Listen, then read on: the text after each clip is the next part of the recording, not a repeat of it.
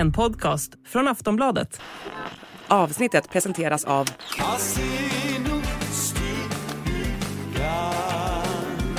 Stödlinjen.se, åldersgräns 18 år.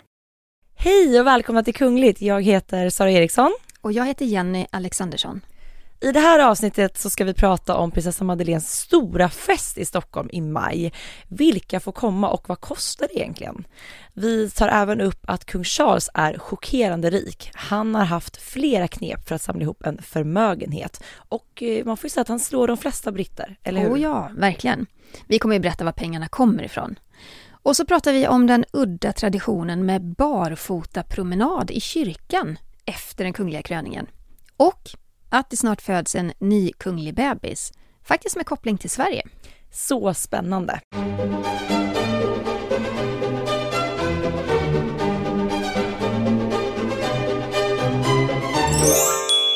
Ska vi inte börja med det Sara? Jo, men det här tycker jag är en väldigt härlig nyhet och en spännande historia. Så det Mm. måste vi prata om. Igår tisdag, vi spelar ju in onsdag den 19 april. I tisdags då kom ett glatt besked från den tyske prinsen Gustav Sein Wittgenstein Berleburg och hans fru prinsessan Karina. Och vi ska berätta mer om vilka de här är, men vi bara säger att de väntar då sitt första barn. Och det finns en väldigt intressant twist med det här paret. De är båda två 54 år gamla och de har tvingats vänta i 19 år. Dels på att få gifta sig och dels skaffa barn. 19 år, det är en väldigt lång Alltså det slår ju Daniel och Victoria, det slår ju ganska många, Sonja och Harald också.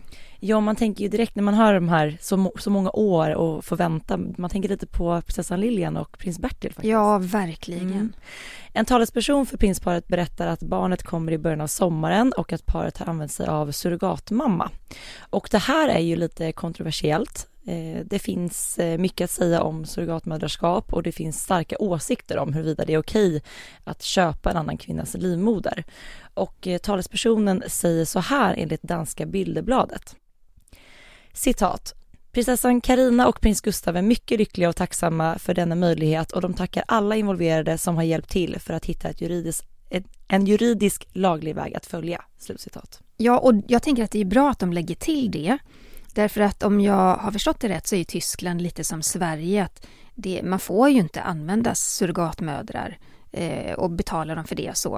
Eh, så att det, det var väl bra att de ändå klargjorde det. Men sen tror jag också att det är klart att de kommer få otroligt mycket kritik och det kommer vara mycket diskussioner kring det här. Så är det ju alltid. Ja. Det var ju inte länge sedan vi hade den här diskussionen när eh, Bindefält var med i Karinas program. Kommer ni ihåg det? Just Eller kommer du det. ihåg det? Mm. Eh, då var det också väldigt mycket rabalder kring det efteråt för att de hade pratat om det eh, på ett sätt som folk inte var nöjda med helt enkelt. Nej, men jag tror att det var viktigt där i det här fallet att presstalespersonen ändå tydliggjorde det i och med att jag tror också att de är, är ganska så beredda på att det kommer att, Mm. att beskedet kommer att mötas av många olika typer av åsikter. Ja, men om vi ska lämna det komplicerade läget åt sidan just nu, i alla fall i denna stund, och ta en titt på varför Gustav och Karina fick vänta så himla länge, så är det ju så här. Det fanns ett testamente som ställde till det rejält. Och det här grymma testamentet, det skrevs av Gustavs farfar, prins Gustav Albrecht av Sein Wittgenstein Berleburg. Det var ju på den tiden, det var ju innan andra världskriget och när många tyskar eh, ja, men samlades kring nazismen och de värderingarna. Eh, testamentet skrevs ju under den tiden, det får man ju ha med sig. Och det är oerhört rasistiskt. För Gustavs farfar, han krävde då att hans barnbarn skulle gifta sig med en person som var arisk, bara det, bara det liksom, adlig och protestantisk. Annars så skulle då inte han få ärva slottet Berleburg, eller någonting som har med det att göra.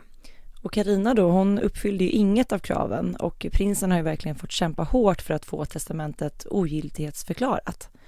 Eh, till slut så bestämde Tysklands högsta domstol att Gustav är rättmätig ägare till slottet och allt som hörde till. Men det har ju tagit så många år. Ja, och vart en kamp, verkligen. Man kan ändå bli imponerad över att han kämpar för sin kärlek. I så många år och så länge. Han, det, må, det är ju verkligen äkta Ja men kärlek. också att de båda två har stått ut med detta, att man Mm. också, har, jag menar tänkt längs vägen hur många liksom, hur mycket motstånd och hur mycket de har verkligen krigat tillsammans för det här. Och som sagt 19 år har det tagit för dem att få det här igenom. Så att eh, snacka om, ja, som du säger, nej, äkta kärlek. Ja, och både Gustav och Karina de har ju svenskt påbrå.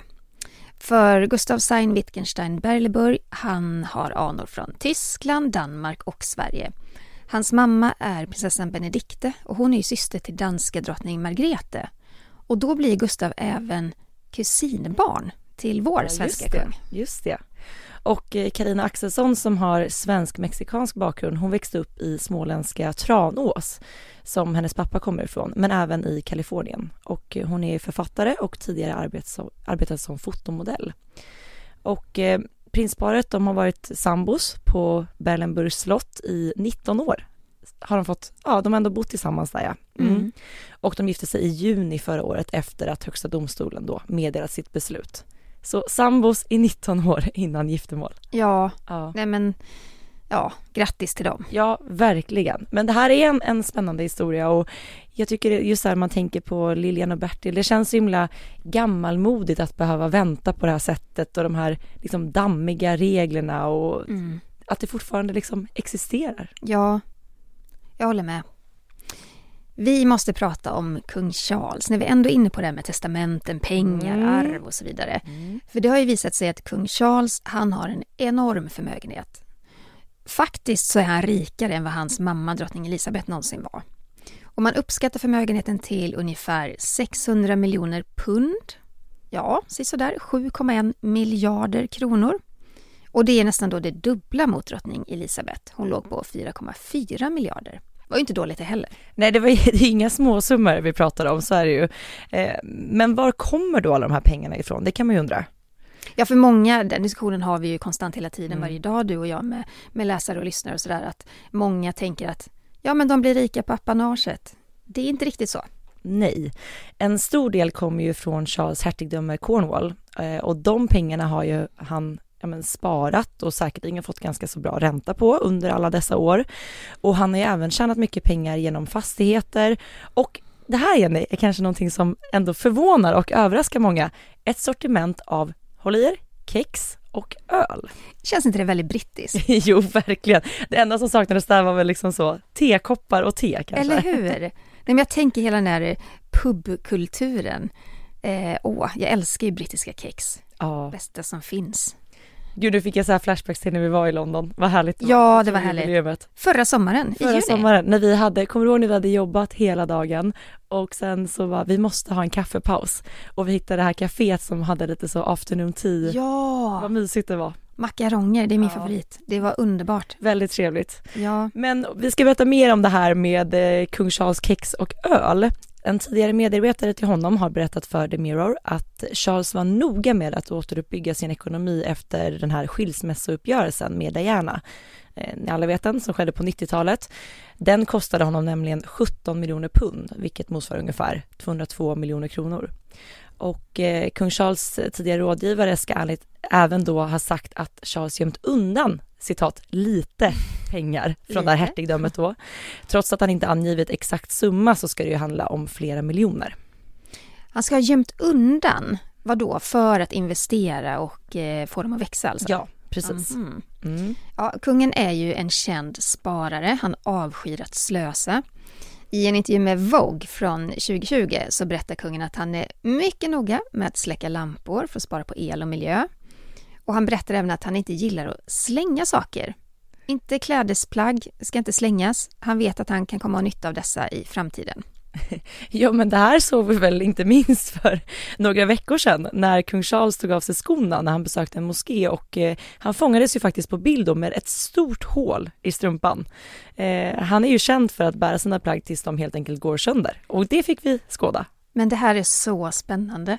Att bära gamla plagg på det viset, det är ju ett signum för den brittiska överklassen.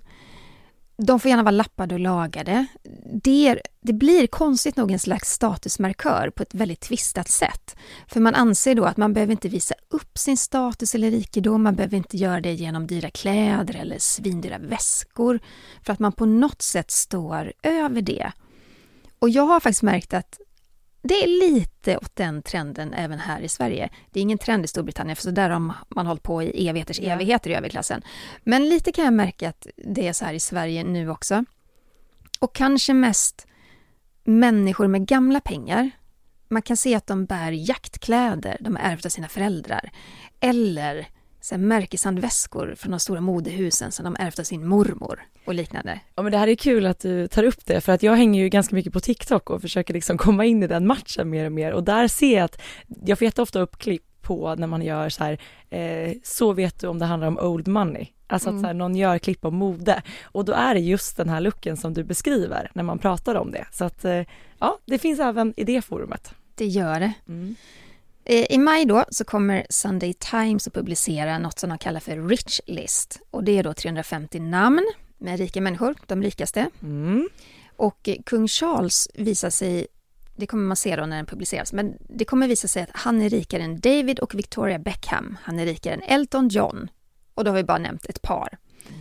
Men det rapporteras även att Charles mellan 2011 och 2022 ökat då sitt hertigdömes årliga vinster med 42,6 procent. Och då undrar jag så här, är kung Charles, är han en affärsman? Ja men det verkar ju så. Eller är han bara snål? Får pengarna växa? Snål och sparsam eller en affärsman, förmodligen en kombo skulle mm. jag tro. För att eh, men han har investerat mycket i i sitt hertigdöme och han har i det här med fastigheter, jordbruk, eh, producera liksom, ja, vi ska ju prata om det här med kex bland annat. Alltså, men kan vi inte gå in på det? Jo men vi måste ja. prata om det. det här med kex och öl som vi ja. nämnde tidigare. För eh. över 30 år sedan så lanserade Charles Dutchy Originals Range. Det är alltså en serie av produkter och eh, varor som inkluderar olika sorters ekologiskt odlade livsmedel. Det kan vara frukt, det kan vara grönsaker, kött, mejeriprodukter, drycker och kex. Mm. Och han grundade företaget som ett sätt att främja hållbart lantbruk och odling. Och det alltså, så är det ju, för att han är extremt intresserad av klimatförändringar, miljö och odlingar och sånt där. Ja, och de här produkterna då, de innehåller ju endast ekologiska ingredienser och är framtagna med hållbara metoder och som, som du var inne på Jenny, att de stödjer lokala producenter och jordbrukare. Och det här är ju någonting som Charles faktiskt väldigt ofta återkommer till att eh, jag tror liksom att hade han inte varit kung så är det det här han hade jobbat heltid med, för det ligger honom så nära. Liksom. Lite som vår kung, mm. som, som man ofta säger att han gärna hade blivit bonde om han inte var Sveriges statschef. Ja. Men det känns som att eh, kung Charles är lite inne på det också. Han har ett väldigt stort intresse för detta. Undrar vad de pratar om när de ses, kung Charles och kung Carl Gustav. Kanske pratar de just precis det här. Jordbruk. Ja. Ekolog ekologiska saker. Ja. Mm. Nej, men det här företaget som, som Charles startade, det blev ju en stor framgång och produkterna finns ju numera tillgängliga i många butiker runt om i världen. I, idag är det också en del av eh, Wait, Waitrose and Partners som är en brittisk stormarknadskedja. Man kan säga, alltså man ser det lite som vi ser ICA i Sverige, de finns lite här och var i Storbritannien. Och en del av de här intäkterna från försäljningen, det går ju fortfarande då till att stödja de här alltså, alltså hållbara jordbruk, projekt och samhällsprojekt i övrigt. Så att fortfarande någonting som liksom går till någonting bra och vettigt. Mm. Men eh, kung Charles han får ju pengar från andra håll också. Eh, Crown Estate, det är en organisation, eller stiftelse kan man väl säga, som ansvarar för att hantera en stor del av den brittiska kronans fastigheter och mark. Och Crown Estate grundades redan 1760 och dess eh, största syfte då det är att ma de ska maximera intäkterna från den mark och de fastigheter som organisationen äger. Och eh, de ska då använda dessa intäkter för att finansiera den brittiska monarkins officiella plikter och för att bidra till finansieringen av allmänna ändamål som utbildning, forskning och miljöskydd. Så att de har liksom olika ben att stå på där. Mm. Men det ligger mycket pengar där. Verkligen. Men trots att eh, kung Charles då äger Crown Estate så kan han ju inte sälja något som tillhör den eftersom att den på ett sätt är oberoende av kungafamiljen. Så här är det ju lite speciellt. Så han får bara förvalta den Ja. mer under sin regenttid? Förvalta det under sin regenttid och också ta del av intäkterna, eh, vilket såklart kan skapa en, eller gör, skapar en stor förmögenhet. Ja. Och så får han ju pengar via Privy Purse. Mm. Och det är ju pengar som kommer från hertigdömet Lancaster. Och de pengarna har ju Charles bland annat portionerat, ut till familjemedlemmar. Det ska täcka boende, det ska täcka privata omkostnader. Prins Andrew är ju en av dem som har fått ta del av de pengarna. Men vi vet ju inte hur länge till, för kung Charles han har ju meddelat, sägs det, att han kommer att strypa tillgången till de här pengarna för vissa familjemedlemmar. Han vill liksom vara mer ekonomisk och han vill se till att färre tar del av pengarna. Det tror jag är jätteviktigt nu eh, i hans roll som kung. Jag menar, mm, jag tror att folket på något sätt har varit lite mer förlåtande gentemot drottning Elizabeth. Eh, och nu när man ser då en ny kung här, då vill man liksom se att även brittiska monarkin moderniseras för att fortsatt vara relevant. Vi ska byta ämne helt och hållet. Vi ska faktiskt ta oss till Norge. På Instagram så delade prinsessan Märta Louise med sig av en väldigt speciell händelse. Hon la upp en bild på ett mejl som tydligen cirkulerar, cirkulerar runt i Norge nu. Uppenbarligen i resten av världen också eftersom vi pratar om det. Exakt. Men det är alltså en person som utger sig för att vara prinsessan i det mejlet och som lurar folk. Ja, personer i fråga erbjuder privata eh, sessioner i personlig utveckling och healing. Och i mejlet så hänvisas även läsaren till Märta Louise fästman, shaman Derek Verrett. Så står det så här, Are you ready to remove blocks and go to the next level? Eh, och mejlet avslutas med ett erbjudande då att man får ett 30% billigare pris om man bokar snabbt och hela det här mejlet är då signerat Märta Louise. Men eh, Märta hon reagerade ju starkt på det här såklart. På Instagram som skrivit då att får du sådana här mejl, det är inte shaman Darek eh, eller jag. Ja, och i nästa story på Instagram då så skriver Märta Louise om vilken mail som det här fake-mailet skickats ifrån med ett tillägg där de skriver så här, det här är inte min mailadress.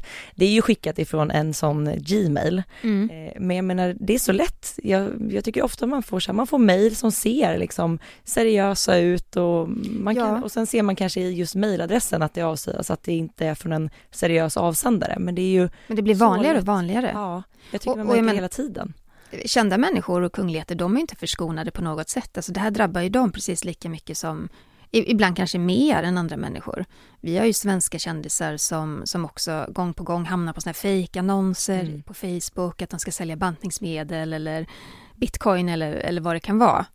Så Det är jättevanligt. Och om man tittar liksom mer icke, eller så här utanför den här kändissfären så jag menar jag tycker ofta man ser vänner och bekanta som lägger upp på Instagram att någon har använt deras profilbild och skapat ett nytt konto. Så att det drabbar alla, kungliga eller ej. Ja, jag kommer ihåg att för många, många år sedan så användes eh, kronprinsessan Victoria och prins Daniels bild till jät- någon sån jättestor eh, annonskampanj i Kina för nybyggda fastigheter. Alltså det var helt bisarrt. Det var så, det var så apart att de hamnade, men de, de hade gjort så stora billboards och affischer på Daniel och Victoria iklädda liksom galakläder och sådär. Jag minns inte i detalj exakt vilket företag det var eller, eller så, men jag, jag minns att hovet fick frågan i alla fall, vad ska ni göra åt det här? Och då, man kan ju inte göra så himla mycket åt det, det är väl det som är det värsta. Ja. Och speciellt när det gäller Kina tänker jag också att fanns väl ka- kanske inte ens en kontaktperson att ta kontakt Men jag med. undrar lite vad så här, syftet med den kampanjen var, var liksom att man ska försöka få då mottagaren att tro att kronprinsessfamiljen ska flytta in i det här nybygget. Ja, att det blir lite så kunglig status över det hela. Ja. Sen är frågan hur många kineser som känner igen Victoria och Daniel. Det är ju inte heller... Men det är klart de såg väldigt royal ut på, på bilderna. Men apropå det och eh, jag kommer ihåg jag och min eh, kompis eh, Emily, vi var på plats utanför prinsessbröllopet när prinsessa Madeleine och Chris gifte sig. Det var liksom innan jag jobbade med det här. Så vi var där som besökare och stod längst fram, hade kö- köat hela dagen. Och då blev vi fotograferade av en tidning och sen gick det två år. Och sen var det bara helt random en person som skickade till mig. Då låg den bilden på oss eh, som reklam för en utbildning i Schweiz. Vad sjukt! Ja, för då stod vi så här med, vi hade en svensk flagga med oss och Ja. ja, men var lite så här piffiga för bröllopet. Och den bilden användes av dem i en kampanj, så fick vi också så höra av oss och be dem plocka ner bilden. ja. Så att jag menar det händer Gjorde de det? Ja. Mm. Det händer kungligheter som oss vanlig, vanlisar. Ja. Mm. Okej, vi har betat av Storbritannien, Norge, nu måste vi gå in på Danmark. Vi måste till Danmark och till Köpenhamn för att i söndag så fyllde danska drottning Margrethe 83 år och hon firades rejält av danska folket, eller hur Jenny? Ja, men det var flera tusentals besökare som samlades utanför Amalienborgs slott. De ville hylla sin drottning såklart. Och det här blev ju också, den här dagen blev också en återgång, ett startskott för återgången av drottningens eh, ja, men arbetsliv. Hon har ju, ni som lyssnar har ju koll på det här, eh, hon har ju opererat ryggen och varit sjukskriven. Och det var ju i slutet av februari hon genomgick eh, operationen. Men eh, det var inte bara drottningens återgång till arbetet som fick uppmärksamhet i samband med firandet, eller hur? Nej, och i söndags så gästade jag Nyhetsmorgon i TV4 för att ja, men prata om danska drottningen och framförallt prata om intresset kring det infekterade titelbråket. Det är ju väl, fortfarande väldigt stort. Eh, sedan första januari, ni har koll på det här, så är ju inte längre drottningens son, prins Joakims barn, prins Nikolaj, prins Felix, prinsessan Athena och prins Henrik prinsar och prinsessor. Och det här beslutet det förankrades inte ordentligt hos prins Joakims familj och det skapade ju verkligen en offentlig konflikt i media. Och eh, jag såg det att dagen innan drottningens firande i söndags så var det ett väldigt stort engagemang i sociala medier gällande den här frågan. Man såg i kommentarsfältet, så här, kommer prins Joakim med familj att närvara vid firandet? Och jag tycker mig verkligen se en splittring hos danska folket gällande drottningens beslut. Mm, om man är eh, team Joakim Mm. eller team Margrethe. Mm. Men prins Joakim var på plats, hela hans familj var där och eh, de samlades ju på, det är ju tre balkonger på Amalienborgs slott, så drottningen står i mitten och så står Mary Fredrik och deras familj till vänster och eh, Joakim och hans familj till höger. Och det är klart att i och med att det var ett sånt offentligt bråk som utspelade sig främst bland danska medier, eller genom danska medier, så tror jag att drottningen är väldigt mån om att visa upp en enad front Mm och visa folk att det finns inget bråk, det finns ingen konflikt kring det här, allt är överspelat, nu står vi här enade tillsammans.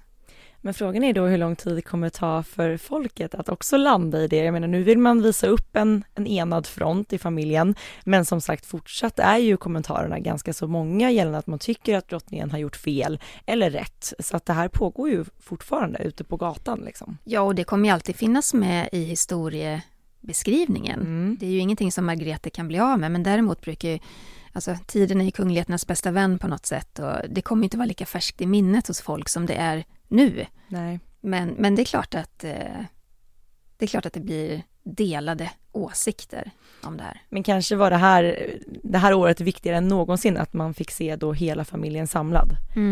Det tror jag. Men det är spännande här med, med prins Joakim för att eh, nu fick han ju då ganska abrupt det här beslutet, meddelandet från sin mamma att hans barn ska inte få ha några prins och prinsesstitlar, de blir liksom mer utputtade från kungahuset. Men det är ju samma situation lite grann för Joakim också. Han har ju jobbat i Frankrike eh, under ganska lång tid vid ambassaden där. Och nu så vet vi ju att han flyttar till Washington i september. Han har fått ett toppjobb där. Han blir försvarsindustriattaché på danska ambassaden. Och det här är ett förordnande som gäller under tre års tid. Men det är inte säkert att han får behålla sin del av apanaget när han flyttar.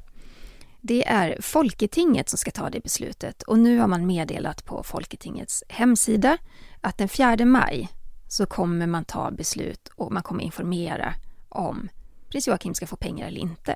Det blir väldigt spännande att följa det beslutet. Ja, och jag menar det är ju inte, det är inte lite pengar vi pratar om för att varje år så får Joakim, som det är nu då, 3,8 miljoner kronor i apanage per år. Det är ändå pengar som kan försörja en, hö- en högre ståndsfamilj ett år, lätt. Ja. Även om de har många barn så, så det är ju det är mycket pengar. Men frågan är då, jag tänker i och med att danska folket är så uppdelat just nu som det är gällande det här beslutet, kommer då Folketinget också att besluta att de inte längre ska få del av ett apanage? Det kommer nog också splittra ganska så rejält vad man tycker om det. Ja, men jag ser ju det här som, som ett mönster på något sätt att i ganska många år så verkar det som, det ser ut som att eh, drottning Margrethe lite grann försöker få ut prins Joakim och hans familj ifrån den alltså närmast Eh, närmaste sfären som har med kungahuset att göra och representation att göra. Under flera år så har man ju sett Joakim och Marie allt mindre. Jag kommer ihåg 2008 när jag var på deras bröllop i, i Danmark så var det ju stort ståhej. Man älskar ju verkligen Joakim och var så otroligt glad att han nu liksom gifte om sig med Marie. Men efter det, alltså man har ändå sett att Margrethe försökt att, att liksom minska lite på hans roll. Och det kanske blir naturligt så. Jag menar så som i många andra europeiska kungahus så vill monarken klippa av grenar, smalna av, man vill vara relevant, man vill också vara ekonomisk och, och eh, ansvarsfull. Ja, men det var ju också någonting som lite kanske bubblade upp än mer i samband med det här titelbråket, just att ja, men man menar på att man faktiskt har aktivt slussat ut dem och att liksom flytten till Paris, man kanske har fått det att låta som att det var någonting som Joakim och Marie önskade själva, men att det framkom kanske lite att det också var ett önskemål ifrån drottningens sida. Det framkom totales att det var Margretes önskemål. Ja. Marie sa ju det i en intervju att ja, implicit att de nästan var tvingade mm. att flytta dit. Jag menar då flytten från Paris till Washington, det skapar ett ännu större avstånd från familjen och vi kommer förmodligen se dem allt mindre. Så att eh, det här beslutet hos Folketinget, det kanske blir någon sån variant som man har i Sverige, att Joakim och Marie endast kommer att få ta del av apanaget de gånger de faktiskt genomför uppdrag för kungafamiljen.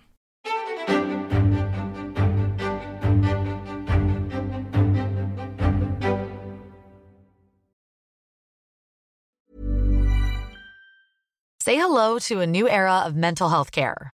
Cerebral is here to help you achieve your mental wellness goals with professional therapy and medication management support. 100% online. You'll experience the all new Cerebral Way, an innovative approach to mental wellness designed around you. You'll get a personalized treatment plan from a therapist, prescriber, or both in a safe and judgment free space. Your Cerebral therapist or prescriber will outline a customized plan with clear milestones along the way so you can get to feeling your best. With Cerebral, you're not alone in your mental health journey. We're here to empower you to live a fulfilling life. So take that first step towards a brighter future and sign up today at cerebral.com slash podcast and use code ACasts to get 15% off your first month. Offer only valid on monthly plans. Other exclusions may apply. Offer ends July 31st, 2024. See site for details. Vi ska prata om prinsessa Madeleine. Mm. Hon är på väg hem till Sverige med sin familj. Efter sommaren så flyttar de ifrån Florida till Stockholm. Barnen kommer börja i svensk skola. Men innan dess så har ju prinsessa Madeleine ett uppdrag här i Stockholm som hon ska genomföra i maj. Ja, prinsessan har nämligen bjudit in till en exklusiv fest på Gröna Lund, vilket Svensk Damtidning var först eh, med att rapportera om. Och enligt dem då så kommer den här festen att äga rum den 10 maj och de som blir bjudna, ja, Jenny, de får öppna plånboken. Det kostar nämligen 7 000 kronor att gå dit. Mm. Men det här är pengar som då går oavkortat till World Childhood Foundation. Det lär bli en bra fest. Det ska bli spännande att se vilka som kommer på den. Mm. Mm. Och när vi ändå pratar om prinsessa Madeleine, Jenny, jag som älskar hästar och ridsport, jag tyckte det var väldigt kul att se de här bilderna som publicerades under helgen eh, när prinsessa Madeleine då var på plats vid eh, GCT, GCT-touren i Miami där hon hejade fram de svenska ryttarna. För oss som inte kan det här, vad är en GCT Tor. Är det liksom hoppning? Det är hoppning, precis. Ja. Eh, hopptävling. Och eh, ja, men vi såg ju bilder då på prinsessa Madeleine, bland annat tillsammans med Malin Baryard Jonsson. Eh, och sen så kom det lite andra bilder utöver de som Madeleine själv hade publicerat, där vi även såg att Leonor var med. Kul! Mm. Jag kan tänka mig att hon gillar hästar också. Ja, men hon, har väl, hon fick väl en häst till och med i dopgåva ja, av men det var Gotland. Gotlandsruss. som var, ja men Gotlandsrusset var ju fint och härligt och så, men Leonor var lite vild under det första besöket. Jag kommer aldrig glömma de bilderna när de skulle försöka få till det, det här första mötet med hästen och Leonor bara sprang omkring. Åt andra hållet. Åt andra hållet. Ja. Och käkade upp hästens morötter. Men det är något befriande, underbart härligt med Leonor. Ja, jag älskar det. Ja. De här gångerna hon har haft riktiga shower vid de här kungliga dopen, det är också underbart. Mm. Mm. En free spirit. Verkligen. Vi har kommit fram till veckans Harry och Meghan.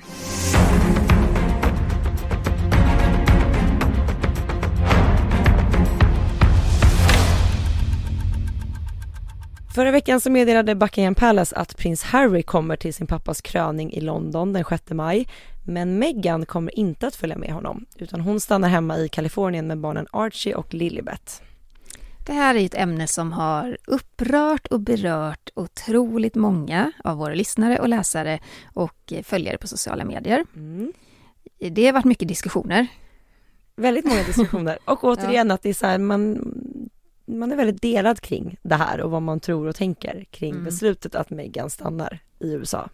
Jag tror så här, vad hon än hade tagit för beslut så hade hon varit dömd på förhand. Hade hon beslutat sig för att komma så hade brittiska tabloider skrivit ner henne fullständigt och under kröningen, så fort hon synts, så hade rubrikerna och rapporteringen hamnat, handlat om henne och Harry. Nu tog hon beslutet att inte komma. Lite grann har man förstått att det handlar om Archies födelsedag. Mm. Det är vad de säger i alla fall. Ja, han fyller ju, prins Archie fyller ju fyra år samma dag som kungen krönts i London. Eh, men oavsett, jag är helt med dig på det du säger, när att så här, det hade verkligen blivit ett enormt fokus på Meghan, man hade, det hade varit läppläsare mellan henne och Kate och ja men ni vet som det alltid blir. Men oavsett om Meghan inte följer med här, eh, som hon inte kommer att göra, så det kommer ju bli ett, spän, ett spänt möte även om det bara är prins Harry tänker jag med familjen. Jag menar de har inte sett sedan Harry och Meghan släppte den här avslöjande dokumentären i flera delar på Netflix. Och boken också väl? Precis. Mm. Och familjen har ju inte träffats sedan dess. Eh, Så att det finns nog, finns nog mycket som inte riktigt är utrett dem emellan, känns det som. Ja men verkligen. Sen är också den här frågan om polisskydd och, och säkerhet, det är någonting som Harry har slagits mycket med. Han är inblandad i en rättsprocess mot brittiska staten för att man beslutade att ta bort det här brittiska skattefinansierade livvaktsskyddet för honom. Jag tror inte det är avgjort där än. Ehm, Det är ju så att när han besöker Storbritannien så kan han ju inte längre räkna med livvaktsskydd eller polisskydd från Scotland Yard. Och eh, det har väckt också starka reaktioner och Harry har varit rasande över det här. Men hur blir det då vid kröningen? Nej men vid själva kröningen så kommer ju Harry likt alla andra att skyddas, alltså i själva det sammanhanget. Men om han vill göra någonting annat under sin vistelse i Storbritannien så kommer han ju få stå för den notan själv, så är det ju. Mm. Och Di Davis, han är tidigare chef för Royal, Pro eh, Royal Protection och Metropolitan Police. Så han, har, han är en person som är väldigt eh, insatt i det här. Han säger till The Mirror att Harry kommer att skyddas när han deltar vid de kungliga evenemangen och i övrigt får han betala, så som du sa Sara. Mm. Mm. Och han säger även att, eh, citat, om han är så orolig för sin säkerhet som han påstått i rätten, eh, så får han acceptera att leva under husarrest när han är i Storbritannien, slutcitat. Det är ju väldigt hårt. Det är ju lite hårt, får Mm. man säga. Eh, Vi vet ju också då gällande kröningen och allting runt, runt omkring, så det kommer inte bli någon balkong eller procession för varken prins Harry eller prins Andrew, utan där eh, kung Charles står ju fast lite som hans mamma då beslutade att det är endast arbetande kungligheter som är med i just de sammanhangen. Och det är ju räddningen, att det blev så Mm. och att det var drottning Elizabeth som tog det beslutet. Men skönt för honom att inte behöva göra det gentemot sin son, tänker jag. Ja, ja men verkligen. Och samtidigt så är det ju... Det är klart man vill se hela tjocka släkten på den där balkongen. Det är ju lite det... Det är ju ett väldigt officiellt tillfälle, men det är också ett familjetillfälle också. Jo, men blickar man tillbaka i arkiven, herregud, den där balkongen, den har ju varit fylld till bredden. Ja, Och man har, ju- det har varit så mycket folk och familjemedlemmar att alla inte ens har kunnat kommit ut på balkongen utan man har sett dem lite innanför. undrar om den är extra förstärkt. Ja, det måste den ju vara. Eh, men som sagt, från och med drottningens platinajubileum så har det sett annorlunda ut. Mm. Men det händer mycket i Storbritannien. Eh, det har kommit väldigt mycket kungliga böcker också. Hovexperten Robert Jobson, han har nyligen släppt en bok som heter Our King, Charles III, The Man and the Monarch Revealed. Och där har han då gjort avslöjanden som handlar om Meghan och Kate. Det var ju så att när drottningen dog på Balmoral i Skottland så reste hela kungafamiljen dit. Det var den 8 september 2022. Man flög dit eller man körde dit. Alla ville få ett sista farväl. Och enligt författaren då så ska prins Harry vilja ta med Meghan dit. Han befann sig lyckligtvis i Storbritannien när detta hände. Eh, men, men det är klart att han också vill ha med sig Meghan. Men då ska Charles ha sagt att det inte var passande för sönernas fruar att närvara. Och eh, författaren menar då att det Charles egentligen ville säga var att Meghan inte var välkommen. Och i den svåra stunden kunde han liksom inte säga det direkt till Harry utan valde istället då att be Kate att stanna kvar i London liksom för att det skulle bli mer rättvis mellan fruarna. Men författaren skriver även då att Kate höll sig borta trots att hon gärna ville vara vid drottningens sida och att det här då ska vara någonting som Kate har grämt sig över ända sedan dess eh, och att det också ska ha bidragit till att Kate byggt upp en allt större bitterhet gentemot Meghan. För författaren menar då att det är ja, Megans fel att Kate inte fick ett sista farväl av drottningen. Ja, alltså man kan ju, det här är ju saker man inte vet någonting om. Ta det med en nypa salt. Vi tar det med en nypa salt. Mm. Verkligen. Nu kommer vi till en helt, ett nytt, helt nytt avsnitt av vår podd. Så kul! Vi kallar det för Kröningsnytt.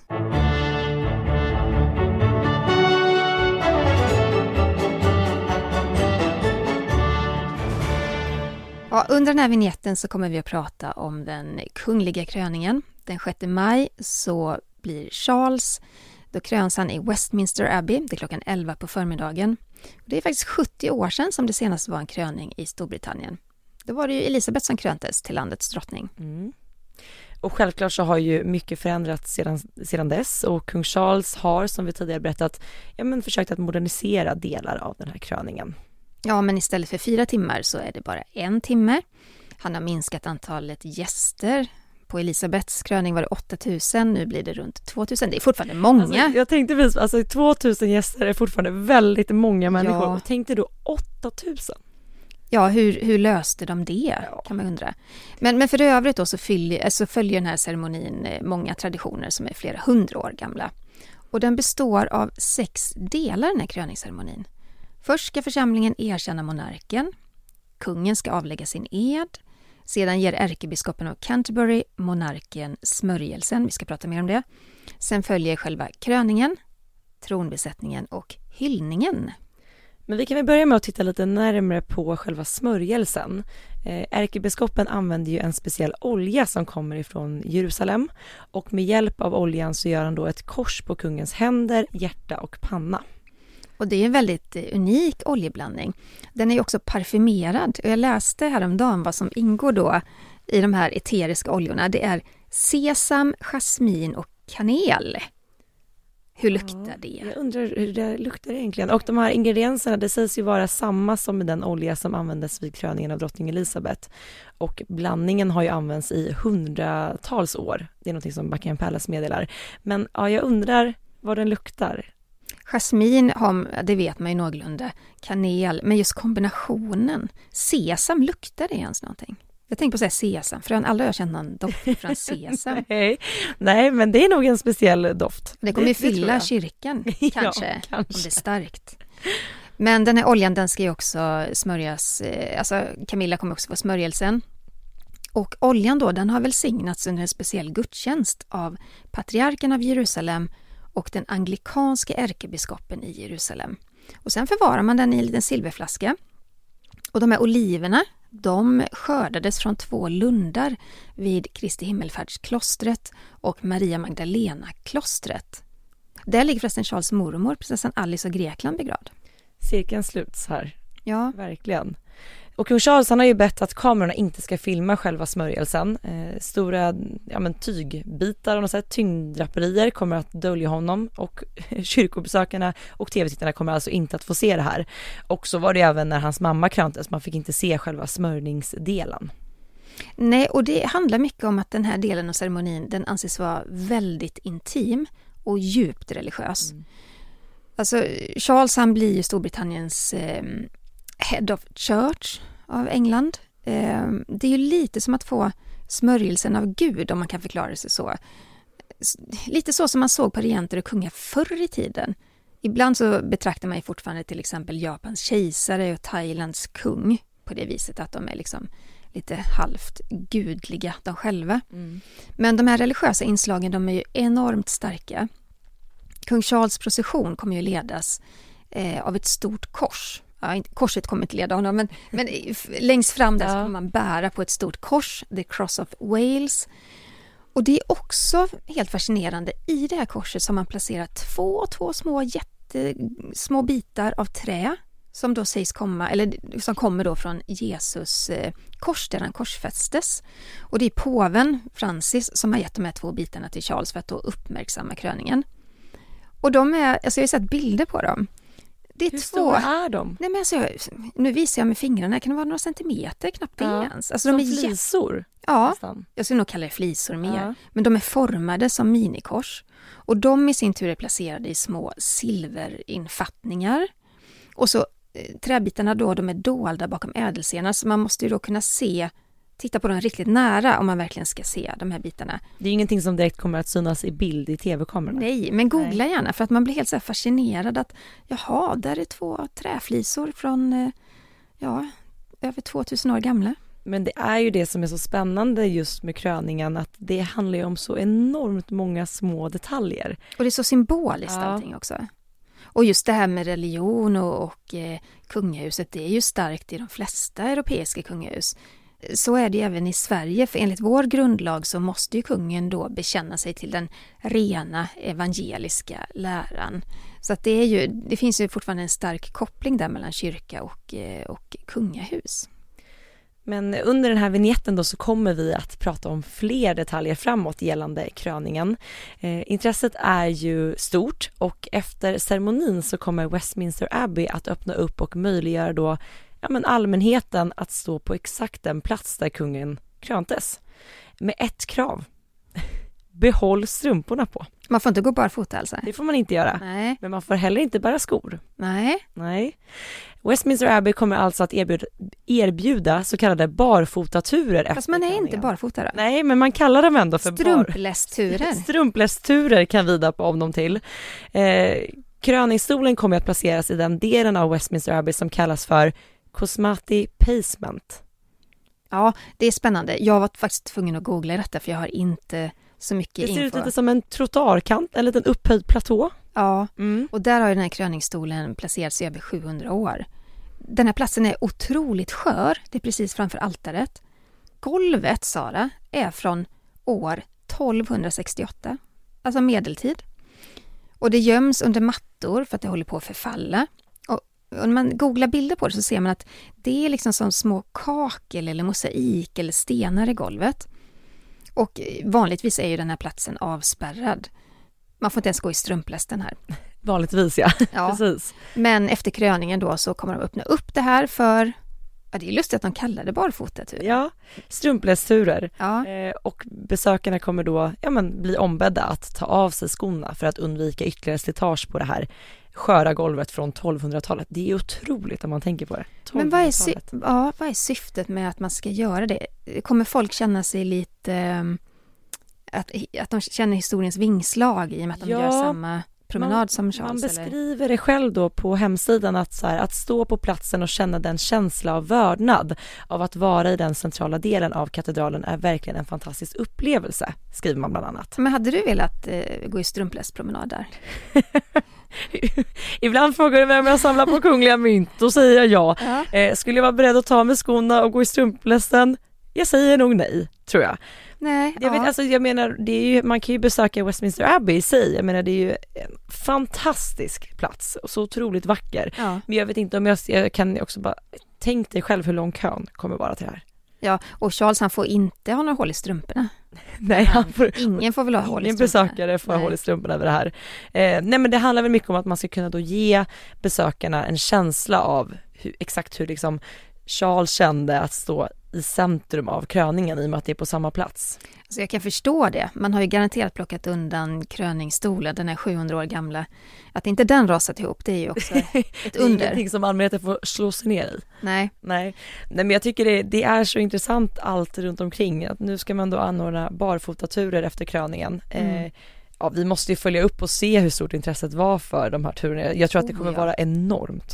säkerligen. Mm. Det såg man efter begravningen med drottning Elisabeth att det var jättemånga som ville gå och eh, men visa sin vördnad inför, kista, inför kistan, säger man så? Visa sin vördnad för henne Mm. när hon låg på eh, Lider parad Mm. i Westminster Abbey.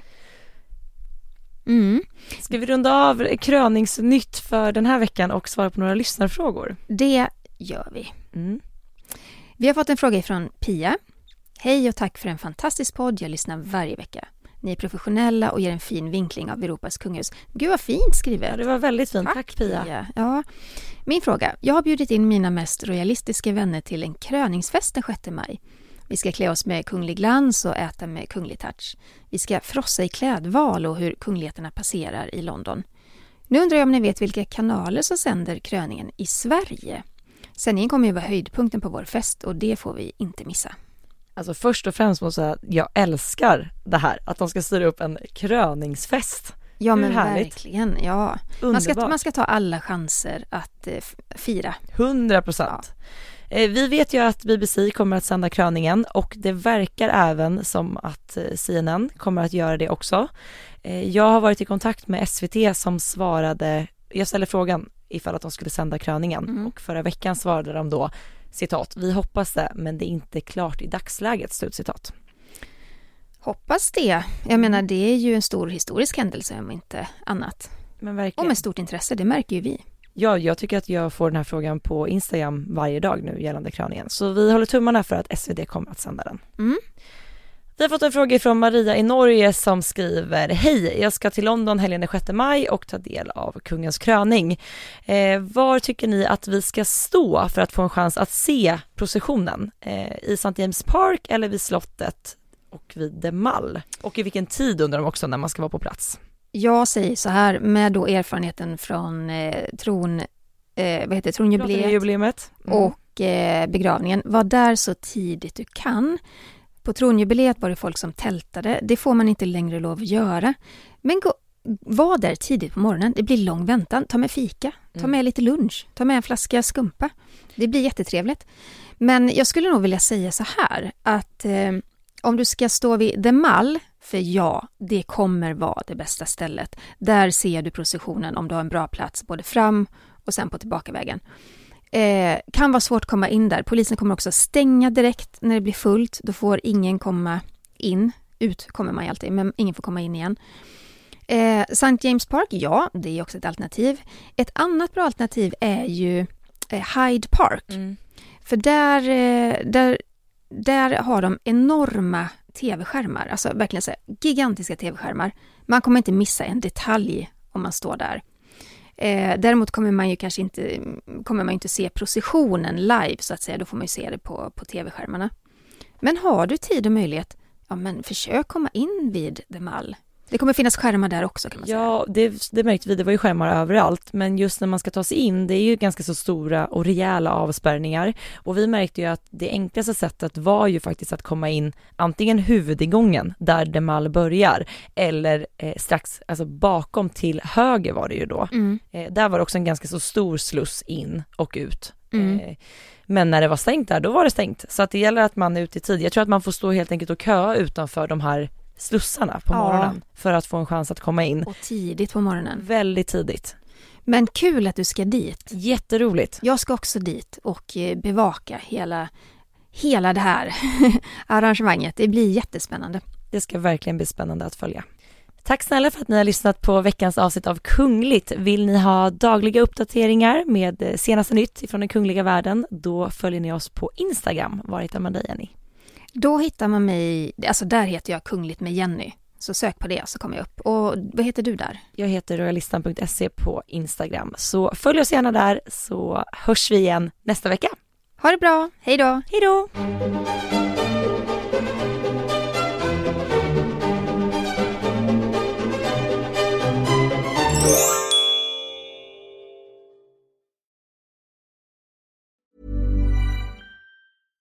This message comes from BOF sponsor eBay.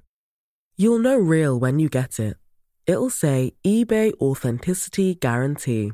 And you'll feel it. Maybe it's a head turning handbag, a watch that says it all, jewelry that makes you look like the gem, or sneakers and streetwear so fresh every step feels fly. eBay gets it. So look for the blue check mark next to that thing you love and be confident that every inch, stitch, sole, and logo is checked by experts. With eBay Authenticity Guarantee, you can trust that feeling of real is always in reach. Ensure your next purchase is the real deal. Visit eBay.com for terms. Du har lyssnat på en podcast från Aftonbladet. Ansvarig utgivare är Lena K Samuelsson.